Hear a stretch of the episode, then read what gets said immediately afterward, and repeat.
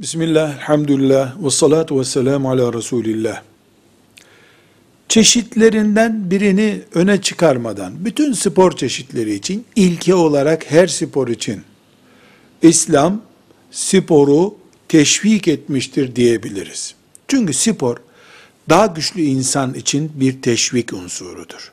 Müminin daha güçlü olmasını sağlayacak spor, gıda, her ne varsa bu güçlü mümini Allah'ın daha fazla sevdiğini beyan eden hadisi şeriflerin doğrultusunda bizim için bir yön vericidir. Spor dinimizde teşvik edilmiştir. Ancak bir, erkek veya kadının avretini teşhir eden, iki, kumar için yapılan veya kumarın etrafında döndüğü, üç, mümin toplumu gruplaşmaya sevk eden, ocu bucu yapmaya teşvik eden ve asıl vazifeleri ibadetten insani hizmetlere varıncaya kadar asıl vazifeleri ihmal etmeye sebep olan spor caiz olmayan spordur. Adı ne olursa olsun.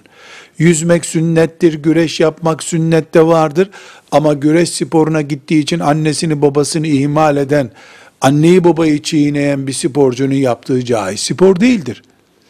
İnsanlar her türlü sporu yapabilirler. Bu şartlara uyuyorsa, bu şartlarla engellenmiyorsa futbol da oynayabilirler.